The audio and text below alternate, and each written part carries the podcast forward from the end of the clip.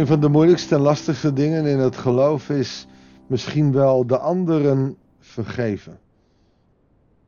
Niet voor niets dat de discipelen naar Jezus gaan en vragen hoe dat zit, hoe vaak dat wel niet moet. Want een keer vergeven willen we wel, maar na twee keer hebben wij echt het geduld niet meer. Want in Nederland, of het Rijke Westen, of waar dan ook, misschien wel veel meer plekken, hebben mensen ernstige lange tenen. En vergeven is zo verschrikkelijk moeilijk. Als ik preek over vergeven, zit iedereen ja te knikken. Ja, dat moet, ja, nee, is belangrijk. Ja, je komt in de vrijheid te staan. Ja, ja. Maar niet als ik moet vergeven. Want hij heeft toevallig, nou, de, je, dan weet je even niet wat hij gedaan heeft. Nou, en jij kent hem niet. En voor je het weet zit je al op een felle discussie. En hebben we het al vergoeilijkt.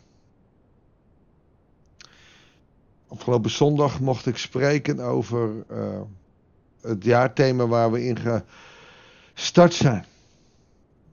Als je mij wil volgen, zegt Jezus, dan, dan moet je jezelf verloochenen. Je moet bereid zijn je eigen leven te geven voor mij. Elke dag weer. Dus het is een houding. In je leven bereid zijn te willen geven voor de Heer is een van de makkelijkste dingen om daar maar te vergeven. Want je eigen leven geven gaat wel een stapje verder. Zo extreem scherp gaat Jezus dus ons aansturen. Maar waarom is vergeven dan zo moeilijk? Waarschijnlijk omdat jouw en mijn ego veel te groot zijn. Goeiedag, hartelijk welkom bij een nieuwe uitzending van het Bijbels Dagboek. We lezen in Matthäus 18, vers 21 tot en met 35. Het gedeelte hiervoor was zondag uh, maar we maken dit stuk toch maar even uit. Daarop kwam Petrus bij hem staan en vroeg: Heer, als mijn broeder of zuster tegen mij zondigt, hoe vaak moet ik dan vergeving schenken? Nou, we kennen allemaal het aantal, want we kennen het liedje. Tot zeven maal zeventig maal. Want ze vragen eerst tot zeven keer toe? Nee, zegt uh, Jezus, niet tot zeven keer toe. Pjoe. En iedereen komt in ontspanning. Maar dan zegt Jezus: nee, maar tot 70 maal 7. Nou, is dat dan precies uh, eh, 7 keer 70 uh, eh, en dan optellend 490 keer? Nee, dat is het niet. Het getal 7 is het vol, het volle getal. En 70 betekent dan overtreffende trap. Eigenlijk zegt Jezus, je moet altijd iemand vergeven. Ja, wacht eens even, zegt Jezus. Zo zeggen de discipelen dan in, in mijn verbeelding. Doe even normaal, dat kan toch niet? Dat is niet menselijk. En misschien kom je daar ook wel op de grens van het tegennatuurlijke. Wij kunnen niet 7 maal 70 keer vergeven. Daar hebben we echt de hulp van God bij nodig. Maar hij geeft wel een voorbeeld. Daarom is met het koninkrijk van de hemel als met een koning die afrekening wilde houden met zijn dienaren. Toen hij daarmee begonnen was, bracht men iemand die was hem 10.000 talent schuldig. Omdat hij niets kon terugbetalen, gaf de heer bevel dat de man samen met zijn vrouw en kinderen en alles wat hij bezat verkocht moest worden, zodat de schuld kon worden ingelast. Toen wierp de dienaar aan, zich aan de voeten van de Heer en smeekte hem heb geduld. Ik zal u alles terugbetalen. En zijn Heer kreeg medelijden, liet hem vrij en schold hem de geleende som kwijt. Wat een prachtig verhaal. Waren we maar allemaal zo als die koning. met deze koning kun je meteen koning God invullen. Wij hebben heel veel schuld bij hem. Maar door Christus dood aan het kruis op Golgotha heeft hij ons vrijgekocht. En alles is, is ons kwijtgescholden. Maar wij mensen zijn niet anders dan de dienaar die we in dit verhaal tegenkomen. Want toen de dienaar naar buiten ging, trof hij daar een van zijn mededienaren, die hem 100 denari schuldig was. Dat is iets van 10.000 euro ten opzichte van 10 euro. En greep hem bij de keel en zei: Betaal me alles wat je schuldig bent. Dat is mooi, want dat betekent pure winst, want hij hoeft geen schuld meer af te lossen.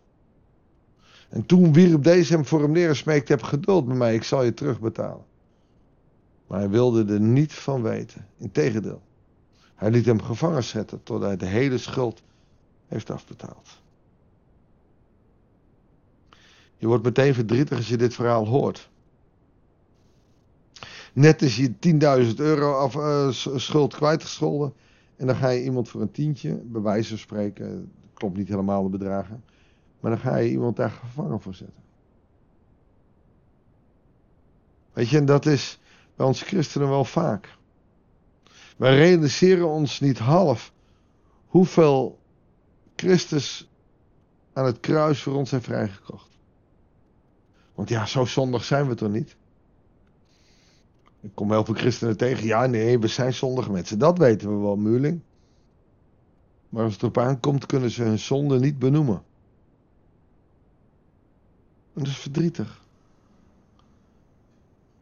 Want als je dan geen zonde hebt. En zonder zonde. Nee, we zijn niet zonder zonde. En dan zie je meteen hoe moeilijk het is. Want als iemand ons 5 euro verschuldigd is en het duurt te lang, kom op. En de vraag is of dat goed is. Als je iemand wat leent, ga dan niet meteen dat terugvragen. Wacht tot de ander het jou teruggeeft. En dat is eng, want stel dat hij dat niet doet, wat dan? Ja, dat is een probleem. Maar soms kun je er bij weten niet om vragen. En als je erom vraagt en iemand kan het niet betalen, weet je, doe er dan niet te moeilijk. En als je er wel moeilijk over doet, heb je klaarblijkelijk iets te veel uitgeleend. Een bedrag wat je zelf eigenlijk nodig hebt. Misschien moet je dan wel andere mensen niet gaan uitlenen. Als je niet bereid bent als het nodig is, iemands schuld ook vrij te kopen. Andere dienaren die dit verhalen hadden zien gebeuren, ze waren zeer ontdaan en gingen naar een heer om hem alles te vertellen. En daarom liet de heer hem bij zich roepen en zei tegen hem, je bent een slecht dienaar. Heel de schuld heb ik je kwijtgescholden omdat je erom smeekte. Had je dan geen medelijden moeten hebben met je mededienaar, zoals ik medelijden had met jou? Ik zit er wel eens aan te denken. Jezus Christus heeft met zijn bloed ons vrijgekocht. Het kruis op Golgotha. Hij heeft zijn leven voor ons gegeven. En wij vinden vergeven van de ander heel moeilijk. Omdat hij al heel zijn leven lang moeilijk doet. Omdat hij het niet verdient. Omdat wij vinden. Vreemd hè? Op een of andere manier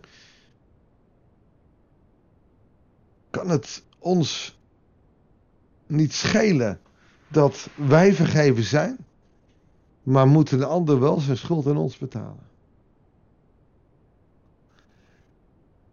Ik heb in de kerk heel veel ja-knikkers, in elke kerk waar ik kom. Maar als puntje bepaaldje komt, is het een mens die niet durft of niet kan vergeven, omdat onze ego zo in de weg zit.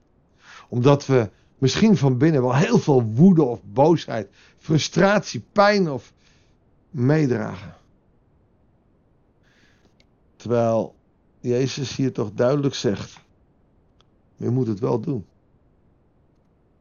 Het is zo belangrijk. En het is voor Jezus ook zo belangrijk dat hij het zelfs in het Onze Vader ook laat, laat bidden. En vergeef ons onze schulden, zoals ook wij vergeven onze schuldenaren. Maar de vraag is, kan je echt het lef hebben om dat gebed te bidden? Vergeef jij jouw schuldenaren? Of ben je het wel eens zat? En vind je dat mensen hun schuld wel eens moeten vereffenen? En dan heb ik het niet alleen over geld of spullen. Maar zelfs het sorry zeggen. Soms hebben mensen niet eens door dat ze je gekwetst hebben. Nou, en ik ga niet eerder verder praten dan dat hij of zij ze sorry heeft gezegd. Ja? Maar hoe vaak zeg jij sorry tegen God? Voor alles wat verkeerd was? Voor je eigen wijzigheid, je eigen zinnigheid, je egoïsme. Dan ga je ervan uit. Ja, maar Christus die gaf genade. Hij was God, hij gaf genade. Maar als jij dan zoveel genade hebt gekregen. Waarom is het dan zo moeilijk om genade ook te schenken?